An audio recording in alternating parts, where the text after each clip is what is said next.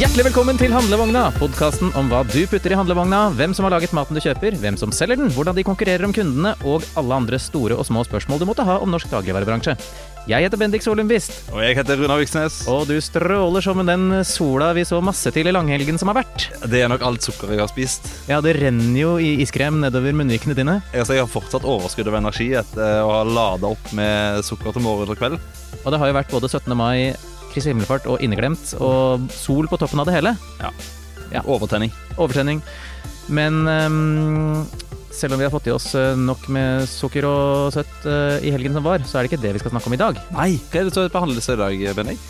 På handlelisten i dag så skal det handle om det Aftenposten nylig valgte å kalle ordkrigen om de nye kostrådene, og det de skriver om Statens kostrådstopp går ut mot Sandra Borch, som jo er vår landbruks- og matminister. Dette er en feide jeg har sansen for. Ikke sant? Eller en beef, hvis man kan bruke et eh, engelsk uttrykk. Og vi har rett og slett invitert inn denne kostrådstoppen. Direkte fra toppen av Helsedirektoratet kommer hun hit i dag for å fortelle om hva denne beefen med Borch handler om. Fra toppen av næringspyramiden. Jeg lurer på om der fikk vi faktisk tittelen. Beefen med Borch. Ja, Ja, der satt den. der satt den. Men eh, noe mer på, på lista, eller? Ja, på slutten av handleturen så øh, skal vi kanskje legge kostrådene bitte litt til side. Det er jo grillsesong, og selv om øh, noen kanskje vil si at man skal slenge mer fisk og grønnsaker på grillen, ja, så kan du putte 4000 år gammel mat på i stedet, hvis du har lyst til det. Eh, vi skal snakke om mammutburger. Nam. Men siden sist, Runar Viksnes, du er jo tallene og analysenes mann. Er det skjedd noe der ute som vi bør orientere lytterne om? Det er jo sånn at opptakten til 17. mai Ja. er jo den egentlige festdagen. Ja, fordi dagligvarebutikkene de øh, holder jo ofte stengt, de på 17. mai. Ja, det, Noen det, av dem i hvert fall. Det kan de gjøre med god samvittighet. Ja. For du verden så mye mat som har blitt kjøpt i eh, dagene før. Ja, hvor mye? Altså 16. mai er mer enn en dobbel handledag. Du kan nesten si at eh, 16. mai er 17. mai for dagligvarebutikkene. Ja, det kan du absolutt si. Hvor mye mer kjøpes det for på 16. mai i forhold til en vanlig handledag? Eh, To og en halv gang er det som er vanlig for eh, samme ukedag. Ja. Og så er det, ja, eh, går det ned til en femtedel på selve 17. mai. For da, Nettopp, da så- selges de samme kaloriene i skolegård istedenfor. Ja, det har jeg også bidratt til. Jeg kjøpte tørr sjokoladekake, solrik og en eh, halvliter brus. Betalte du med kontanter? På ingen som helst måte. Eh, og det er en liten bygge en elegant bru til en liten nyhet jeg så her. Uh, kjenner du til tjenesten Vips? Ja. Ja, de eh, har nå satt ny omsetningsrekord. Det var 2,7 millioner transaksjoner på 17. mai. Aldri før har så mange mennesker brukt Vips til å betale for ting. Jøss. Og det var jo for at man skal få betalt for sjokoladekake, blant annet, og sånne små pappbokser med eplejus. Ja, altså, jeg, jeg kjøpte også en solrik og to is eh, på, på min eh, lokale skole på 17. mai, og betalte med vips. Der du sto med bunaden din og blomstret. Ja da. Eller kilten, da. Ikke, du, selvfølgelig. Ja, for som alle hører, du kommer jo fra Skottland. Ja, Er ikke det åpenbart? Nei. Men helt seriøst, har du kilt? Ja. Jeg, Hvorfor, hvorfor det? Fordi jeg, jeg vet at du kommer fra uh, Vestlandet et sted. Ja. Uh, Haugesund, Karmøy Karmøy, er det ikke det? Jo. Ja. det stemmer. Hvorfor har du kilt? Jeg gifta meg inn i en klan. Er det sånn at da må du også? Er det sånn at hvis ikke du hadde tatt den og brukt den istedenfor bunad, så hadde de tenkt at du var en dust? Det var, det var en bryllupsgave fra min kones familie. Så hyggelig. Så uh, i bryllupet så fikk, uh, måtte jeg kaste buksa før gjestene fikk kaste jakka. Hva mer har du på eh, statistikk eh, og analyse og datalista di? Jo, altså mandag etter 17. mai så eh, kom SIFO med sin egen nasjonaldag, hvor de lanserer referansebudsjettet. Og SIFO, det er Det er et eh, forbruksforskningsinstitutt på Oslo OsloMet. Ja, som er et universitet midt i Oslo sentrum. Ja, Ja. eh, og de eh, lager et budsjett som sier noe om hvor mye en gjennomsnittsfamilie må regne med å bruke på mat og drikke og andre nødvendighetsvarer. Mm. Transport og ferier og ting og tang. Mm. Og dette legges jo da til grunn for hvor dyrt det er å leve, eller hvor mye penger du trenger for å overleve i Norge. Og det budsjettet lanserte de i dag, og fikk eh, en del oppmerksomhet rundt bl.a. blant annet eh, prisen på deres handlevogn. Ja, for hvordan var det den skilte seg fra andre tall vi har sett før? Ja, De mente at eh, handlevogner med mat og drikke for en eh, familie skulle ha økt 15 det siste året. Og det er jo vesentlig mer enn de 10,5 prosentene som vi har sett at SSB opererer med. Ja, det er riktig. Det var, det var eh, en god grunn til at vi stussa litt på de tallene da de kom i dag. Ja, Og eh, 15 er jo 50 mer enn enn de 10 SSB opererer med. Og en del av forklaringen til dette her tror jeg må ligge i sammensetningen av handlevogna. Er det forskjellig handlevogn? Ja, Hvorfor det? Nei, fordi SIFO, i referansebudsjettet, så legger de seg tettere opp til kostholdsrådene. Apropos elegante bruer over til dagens hovedtema. Ja, dette 17. mai-toget turer videre. Ja. Og her eh, er altså De har lagt til grunn et, et sunnere kosthold enn det som er gjennomsnittshandlekurven fra SSB. Ah, så den optimale handlevogna har økt med 15% mens den faktiske handlevogna har økt med 10% Ja, så hvis du har råd til å etterleve alle råd, men uten å være veldig selektiv med hvor du plukker varene, mm. så har Korga økt med 15 Men uh, vi må jo kanskje ta utgangspunkt i hva folk faktisk kjøper, må vi ikke det? Jo, vi burde jo kanskje det. Ja. Spesielt når vi skal snakke om hvor mye dyrere mat har blitt. Ja. Men uh, en sånn liten malapropos er jo at hvis du ser på eh, tingene som ligger i, eh, i korga til SIFO, Ja. uh, så ligger det tilsynelatende mer frukt og mer fisk Ja. enn det som er i SSBs handlevogn. Ja. Eh, og kanskje også ganske mye mer kaffe og te. Oh. Ja. Så det sitter noen sånne ristende koffeinavhengige forskere nede på SIFO og hvis, de, hvis, har kjøpt veldig mye kaffe? ja, hvis de skal etterleve sitt eget budsjett, Ja, så, eh, så har de nok godt med koffein innabords. men de får i seg mer frukt og grønt, da, og det er jo eh, bra, og litt mer fisk. Det er også veldig bra. Ja. Men når vi først snakker om uh, matprisutviklingen, så er det jo greit å minne om at uh, når tallet da var 10,5% for Norge for april, ifølge SSB og den handlevogna, så var det tilsvarende tallet i Sverige 19,7, tror jeg, sist jeg sjekka. Ja. Rett i underkant av 20. Så det er fortsatt lavere matprisvekst her enn rett over uh, grensa. Ja, det er riktig. Eh, og det, det slår jo over i uh, lavere grensehandelstall, Mm. som jo har vært en, uh, en kjent utfordring for norske handelsaktører i mange år. Mm. Varene blir mye dyrere i Sverige enn i Norge. Og det er jo også interessant, hvis du tar et litt lengre perspektiv, så har prisene i Norge økt mindre enn i Sverige og i Danmark eh, på mat.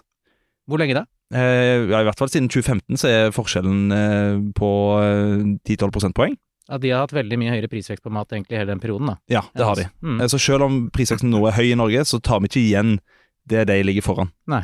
Men hvis man ser på hvor stor andel av inntekten din du bruker på mat, hvordan ligger Norge an der i forhold til våre nærmeste naboland? Ja, Det er overraskende likt. Å, Eh, altså, både nordmenn, svensker, dansker, finner bruker omtrent 12,5% av eh, inntekten sin på mat og drikke i dagligvarebutikker.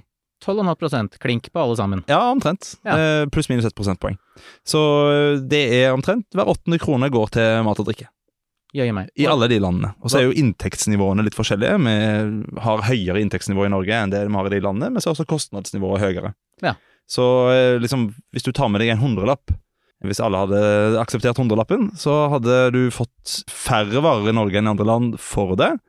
Men som andel av inntekten i landet, så ville det vært ganske likt. Men hvis vi ser på dette over tid, hvor stor andel av eh, inntekten bruker man på mat nå i forhold til før? De siste 20 åra så har det vært ganske stabilt. Omtrent eh, 12-13% av eh, inntekten ble brukt på mat. Men eh, før det så var det vesentlig mer. Eh, hvis vi ser tilbake til 1990-tallet, så var det nærmere 18 og Oi. på 80-tallet var det opp mot 20 både i Norge og Sverige. Nettopp. Så eh, jo rikere vi har blitt, jo mindre andel av lommeboka bruker vi på mat. Ja, for det er liksom grenser for hvor mye du kan spise før du går lei av mat og finner på noe annet å bruke penger på. Ja, altså melka er, koster det den koster på en måte, og du klarer ikke å drikke så mange flere liter. Nei. Så når du blir dobbelt så rik, så bruker du bare mindre av lommeboka på mat, rett og slett. Men eh, sånn er det hvis du plotter land på den samme fordelingen, så vil du se at eh, en del europeiske land, for eksempel, som har lavere inntektsnivå enn Norge, de ligger mer opp mot norsk 80- og 90-tallsandeler. Nettopp. Så eh, det er på en måte universelt at jo rikere du blir, jo lavere andel bruker du på mat. Men Runar, som om ikke det var nok, så har dette imaginære 17. mai-toget vårt enda en vogn. Og hva er det i den vogna? Ja, ja fordi poenget er at eh, det er fortsatt press på eh, matvareprisene i Norge. Ja. Og denne gangen eh, kommer presset fra eh, regjeringshold. Fra regjeringen sjøl, som eh, inntil nylig var veldig opptatt av at alle måtte gjøre sitt for å holde matprisene nede, men nå har de jaggu meg bidratt til at prisene på noen varer skal opp. Ja, Hvordan skjedde det? Nei, altså Bøndene krevde jo eh, at målprisene på matvarer skulle opp. De ville ta inn en milliard kroner eh, i økte målpriser, som skulle presse opp prisene på frukt og grønt og meieriprodukter. Ja. Eh, Med tosifra prosent. Og så kom eh, statens eh, tilbud til bøndene for eh, ikke så lenge siden, halvannen uke, to uker. Ja, eh, og da sa de eh, at eh, de ville ikke gi så mye over statsbudsjettet som bøndene ville ha. Tvert imot. Halvparten bare. Men eh, de kom eh, nesten De ble nesten enige om 80% av kravet på målpriser. 16. mai så ble de enige. Ja, 16. mai ble de enige om et, eh, et forslag eh, Ja. hvor eh, de får over 800 millioner kroner i målpriser. Nettopp. Og men saken er ikke over for det, vet du. Nei. Nå har eh, budsjettpartner SV sagt at eh, mer skal det bli. Jøye meg. Så, nå går saken eh, videre til eh, debatt i Stortinget. ja, så om det blir eh, budsjettposten eller kundene som skal bære økningen, det vites ikke, men SV vil ha mer til bøndene. Og hvis vi nå skulle prøve oss på å bygge en like elegant bro som alle bruene mellom våre togvogner over til nye nasjonale kostråd, hvordan gjør vi det? Så jordbruksopprøret i år handla om meieriprodukter og frukt og grønt, men ikke så mye om kjøtt. Nei, men vet du hva som handler om kjøtt? Nei. Den eh, pågående debatten om de nasjonale kostrådene. Aha. Skal vi slippe inn eh, dagens gjest? Ja. Hjertelig velkommen til handlevogna Linda Granlund. Tusen takk, hyggelig å være her.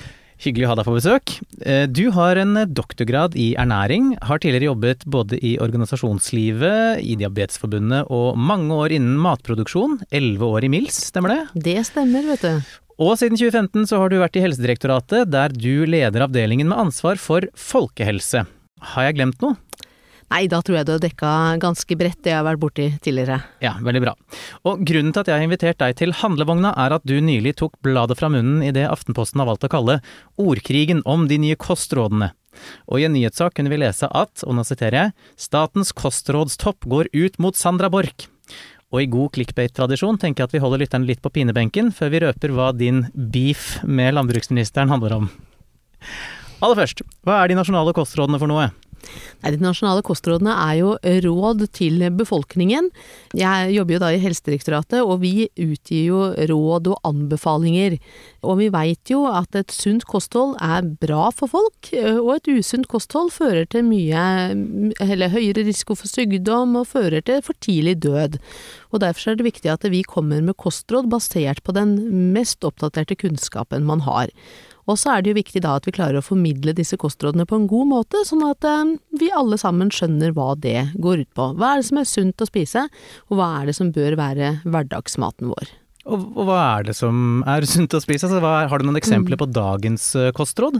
Ja da, vi har, vi har, kostrådene består av det er mange råd, og, men kort oppsummert så kan de, kan de sies at det er et variert kosthold med mye frukt og grønnsaker, fisk og sjømat og grove kornprodukter. Det er det som er det, det sunne kostholdet. Og så er det viktig å ha et variert da, hverdagskosthold. Men sånn et, et av kostrådene er eksempel begrense inntaket av rødt kjøtt og bearbeida kjøttprodukter. Nettopp, og det skal vi jo absolutt komme tilbake til. Um, Men hvor gamle er de nåværende kostrådene, og hvorfor må de egentlig oppdateres? Nei, de må oppdateres med jevne mellomrom når vi ser at det er kommet mye ny eh, forskning på området. Så de kostrådene vi har i Norge i dag er fra 2014. Og de er da bygd på et kunnskapsgrunnlag som kom i 2011-2012. Så akkurat nå så er det avslutningsfasen på da å oppdatere det vitenskapelige kunnskapsgrunnlaget, dette som vi kaller for NNR, Nordic Nutrition Recommendations, altså de nordiske næringsanbefalingene. Så det er en prosess som det er eh, stort fokus på nå. Det er en eh, prosess hvor alle de nordiske og baltiske landene har gått sammen for å, å oppdatere hva er den gjeldende kunnskapen på kosthold og helse, og også kosthold og bærekraft. Ja, Kan ikke du fortelle litt mer om det? Eh, hvordan går man egentlig fram når man skal få eh, så mange folk samsnakket om eh, kostholdsråd? Hvordan, har- hvordan har prosessen vært? Ja, og det er en omfattende prosess. Det som da skjer er at de nordiske ministerne går sammen om å gi et oppdrag til via Nordisk ministerråd, og så går det på rundgang hvilket av de nordiske landene som leder denne prosessen. Og denne gangen så var det Norge som skulle gjøre det. Sist gang, eh, når de ble oppdatert i 2011, så var det Sverige som hadde leda prosessen. Så da er det Norge som leder den, og vi har en, en prosjektleder, professor Rune Blomhoff, som holder i prosessen med et sekretariat og en styringsgruppe. Eh, og da et mandat fra Nordisk eh, ministerråd. Og så er det da å definere alle enkeltkapitlene, sånn at når denne publikasjonen eller eh, dette kjempe... Jeg kan ikke si notat, for det er egentlig en bok. Kommer ut, så består det av totalt eh, 23 kapitler, er det vel, med ekstremt mye tekst. Og da har man sett på sammenhengen, dokumentasjonen, mellom kosthold og helse. På veldig mange næringsstoffer. Det var ikke 23, det var 53. Og hvor mange mennesker er det som har vært inne i bildet her fra forskningen og akademia? Det har vært veldig mange. Over 400 vitenskapelige eksperter har vært med, og da har vi hatt en åpen prosess hvor alle landene kan melde inn enten seg selv eller noen de veit om som burde være med i prosessen. Så når dette starta for sånn ca. fire år siden, så var det en åpen prosess på hvem bør bidra inn på de forskjellige delene av, av dette arbeidet. Så det har vært utrolig mange involvert fra da de nordiske og baltiske landene, og hvis vi ikke har hatt eksperter der, så har vi henta de utenfor Norden og Baltikum.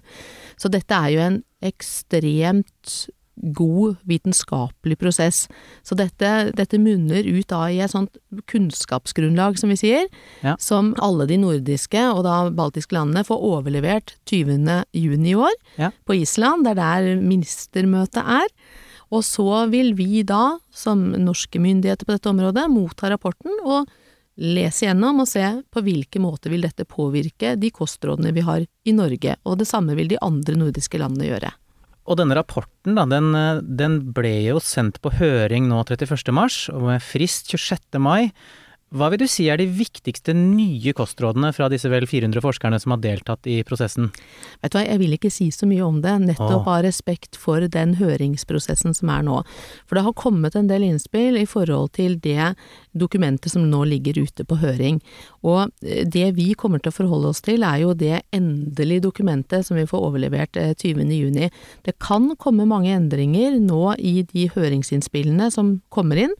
Og da har jeg ikke lyst til å forskuttere hva som er det viktigste her, for det kan endre seg av, av hensyn til hva som kommer da inn i prosessen. Okay. Så vi følger med, men vi tar eh, leser det enda grundigere når vi får den endelige, endelige, rapporten overlevert. Nettopp, så dette er ikke den ferdige versjonen? Nei, det er det ikke. For det, vi, vi, må ha respekt for at det kan komme gode innspill som gjør at ting blir endra i det ferdige dokumentet. Nettopp. Men eh, så når man er ferdig eh, i den nordiske prosessen, og så får dere denne ferdige rapporten i slutten av juni, hvor lang tid tar det da før de ferdige nasjonale kostrådene kommer til oss eh, forbrukere som lurer på hvor mye kjøtt skal vi spise, hvor mye fisk, hvor mye frukt og grønt? Ja, og det har vi diskutert litt, for vi er jo nå i gang med å se på hvilken prosess skal vi kjøre når vi har fått overlevert rapporten og vi starter opp etter sommerferien.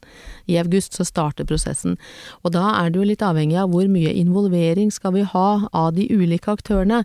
Nå har det jo vært veldig mye involvering i form av åpne høringer i denne NNR-prosessen, altså denne vitenskapsprosessen, så det kommer vi jo ikke til å gjenta igjen, men allikevel så vil jo veldig mange organisasjoner eh, være interessert i å spille inn. Mm. Eh, så vi har ikke endelig definert helt den prosessen, men eh, de norske kostrådene, de reviderte da, kommer nok til å komme i løpet av våren, tidlig sommer neste år. Ok, så dere forstyrrer ikke juleribba? Nei, vi må prøve å ta det etter. Det egner seg bedre å komme med kostråd fra januar og utover. Ja, når man skal spise litt mer frukt og grønt inn mot ja. sommeren. Men nå har vi vel holdt lytterne lenge nok på pinebenken, eh, så vi må jo ta tak i det Aftenposten kalte en ordkrig, og som jeg velger å kalle en beef, som du har med landbruksministeren. For da den vitenskapelige rapporten ble sendt ut på høring, så uttalte landbruks- og matminister Sandra Borch til Aftenposten at hun, og da siterer jeg, ikke ville løfte en finger for å kutte i norsk kjøttproduksjon, uansett hva de nye kostrådene sier. Hva tenkte du da du leste det? Nei, det jeg først og fremst reagerte på eh, av det landbruksministeren sa, var jo at eh, denne dokumentasjonen er som å tenke på et tall. Og da kommenterte jeg på at eh, vi sitter ikke i Helsedirektoratet og tenker på tall, vi er et fagdirektorat som kommer med råd og anbefalinger basert på store kunnskapsoppsummeringer. Det er ikke noe vi sitter og tenker oss fram til ut fra forgodtbefinnende. Og så var jeg også ganske tydelig på at um, dette er en vitenskapelig prosess. Som jeg har tidligere sagt, over 400 forskere er involvert i dette arbeidet. Og da må vi prøve å la den vitenskapelige prosessen gå. Og så har vi ikke tradisjon for i Norge å blande politiske interesser inn i vitenskapelige arbeider. Ja, og når du nevnte dette med tenk på et tall, det sitatet dreide seg vel da om, eh, til lytternes orientering, om at uh, kjøttforbruket kanskje måtte reduseres, eller anbefalingen da, reduseres fra 500 til 350 gram per uke, og det var det hun da ble konfrontert med. Men hva er grunnen til at eh, man skal redusere forbruket av rødt kjøtt? Altså den helsemessige årsaken? Ja, her må vi jo se hva rapporten endelig kommer med da, når vi får den i juni. Men her ser man jo da, både på når det gjelder kost, eller de anbefalingene som kommer for kjøtt og, og de andre matvaregruppene, så er det jo da eh, ny dokumentasjon som ser på sammenhengen mellom eh, inntak av rødt og bearbeida kjøtt og helse. Eh, så det er jo da om det har kommet mye ny dokumentasjon som tilsier at eh, dokumentasjonen er enda sterkere på at eh, et høyt inntak øker risikoen for, for helse, helseskader, på en måte. Og da må man se hva den nye dokumentasjonen sier, og hva man da bør legge maksinntaket på.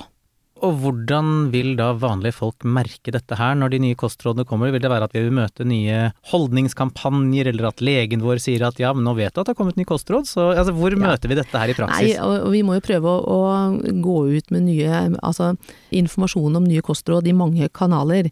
Eh, det kommer jo til å ligge på våre nettsider selvfølgelig, men det er det jo de færreste som er inne og leser. Så vil vi jo, sånn som vi pleier å jobbe, så er det jo mye kampanjer og informasjonsarbeid. Vi er jo ofte ute og snakker om kostrådene i ulike mediesaker, blir mye intervjua om det, og så vil jo det også være gjeldende da i de retningslinjene vi har, f.eks. retningslinjer for skole og barnehage f.eks., som viser til kostrådene. Mm. Så dette, vi jobber med det på veldig mange måter.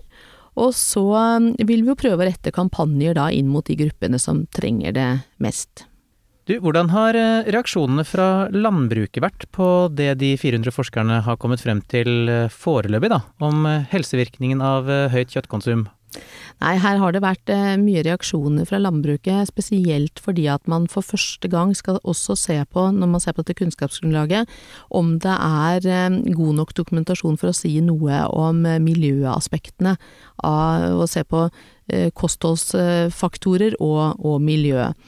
Eh, og her har det kommet mye kritikk i forhold til om det er god nok dokumentasjon, eller gode nok studier som inkluderes, om det er de riktige fagpersonene som involveres.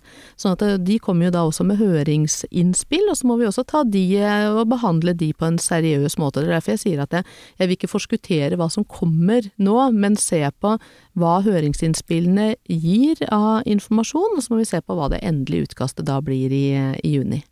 Du, jeg leste et sted uh, om denne nordiske prosessen uh, at uh, det har vært skjult, det har ikke vært åpent tilgjengelig hvem det er som har vært involvert på forskersida. Er det riktig? Vi prøver å ha dette som den mest transparente prosessen, og vi får jo mye tilbakemeldinger fra resten av verden på at dette kjøres på en veldig god måte, men grunnen til at dette har vært skjult, har vært at de har fått veldig mange negative tilbakemeldinger. Mm. Sånn at eh, det er rett og slett for å beskytte forskerne i noe grad, at, eh, men i etterkant så vil det være åpent både hvem som har vært med i alle prosessene, og det var en åpen innspillsrunde når man kunne nominere enten seg selv eller andre til å være vitenskapelige ekspert. Mm. Og så vil det da i etterkant også være helt åpent hvem som har vært med, og det vil også være åpenhet rundt alle høringsinnspillene. Men det er nettopp fordi at det kommer en del um, negative kommentarer. Ja. Og kanskje også for å unngå at de blir forsøkt lobbet av tunge industriinteresser. Det også, ja. Nettopp. Eh, hvis du eh, avslutningsvis skal komme med ett råd til helt vanlige forbrukere som har lyst til å leve lenge i landet, hvordan bør de egentlig spise og leve? Da bør de spise et variert eh, hverdagskosthold. Vi er jo opptatt av at eh, det er det kostholdet du spiser fra mandag til fredag som er det viktigste. Ingen matvarer er forbudt, men du må tenke på hvor ofte du spiser det. Og da bør det bestå av mye frukt og grønnsaker. Husk på det nå i, det, det, i den sesongen vi går inn i, det er mye gode frukttyper og, og grønnsakstyper. Og husk på det når grillsesongen starter, at den trenger ikke bare bestå av koteletter og pølse på grillen. Det er sant. Og grønnsaker på grillen er jo faktisk kjempegodt. Det er bare å få den eh, litt sånn eh, grillsmaken på. Kjempegodt. Og fisk og sjømat er også veldig godt på grillen. Så det går an å tenke at eh, grønnsaker skal være noe annet enn salater. Så grillsesongen egner seg godt for de sunne alternativene. Og så kan jeg si til disse matinfluenserne som lager sånne TikTok-videoer og sånn, de kan jo godt eh, istedenfor å lage sjokoladeboller og eh, andre ting, eh, lage sunn mat eh, på grillen som gjør at folk får lyst til å lage sunn mat òg. Ja. Helt til slutt eh, så har jeg et obligatorisk spørsmål til alle mine gjester. Det er et dobbeltspørsmål. Nummer én, hva er din favorittmatrett hvis du er gjest eller går ut for å spise? Og nummer to, hva er din signaturrett hvis det er du som skal få gjester på besøk? Ja, nummer én favorittrett. eh, Jeg er veldig glad i crispy duck, det Mm. må jeg innrømme.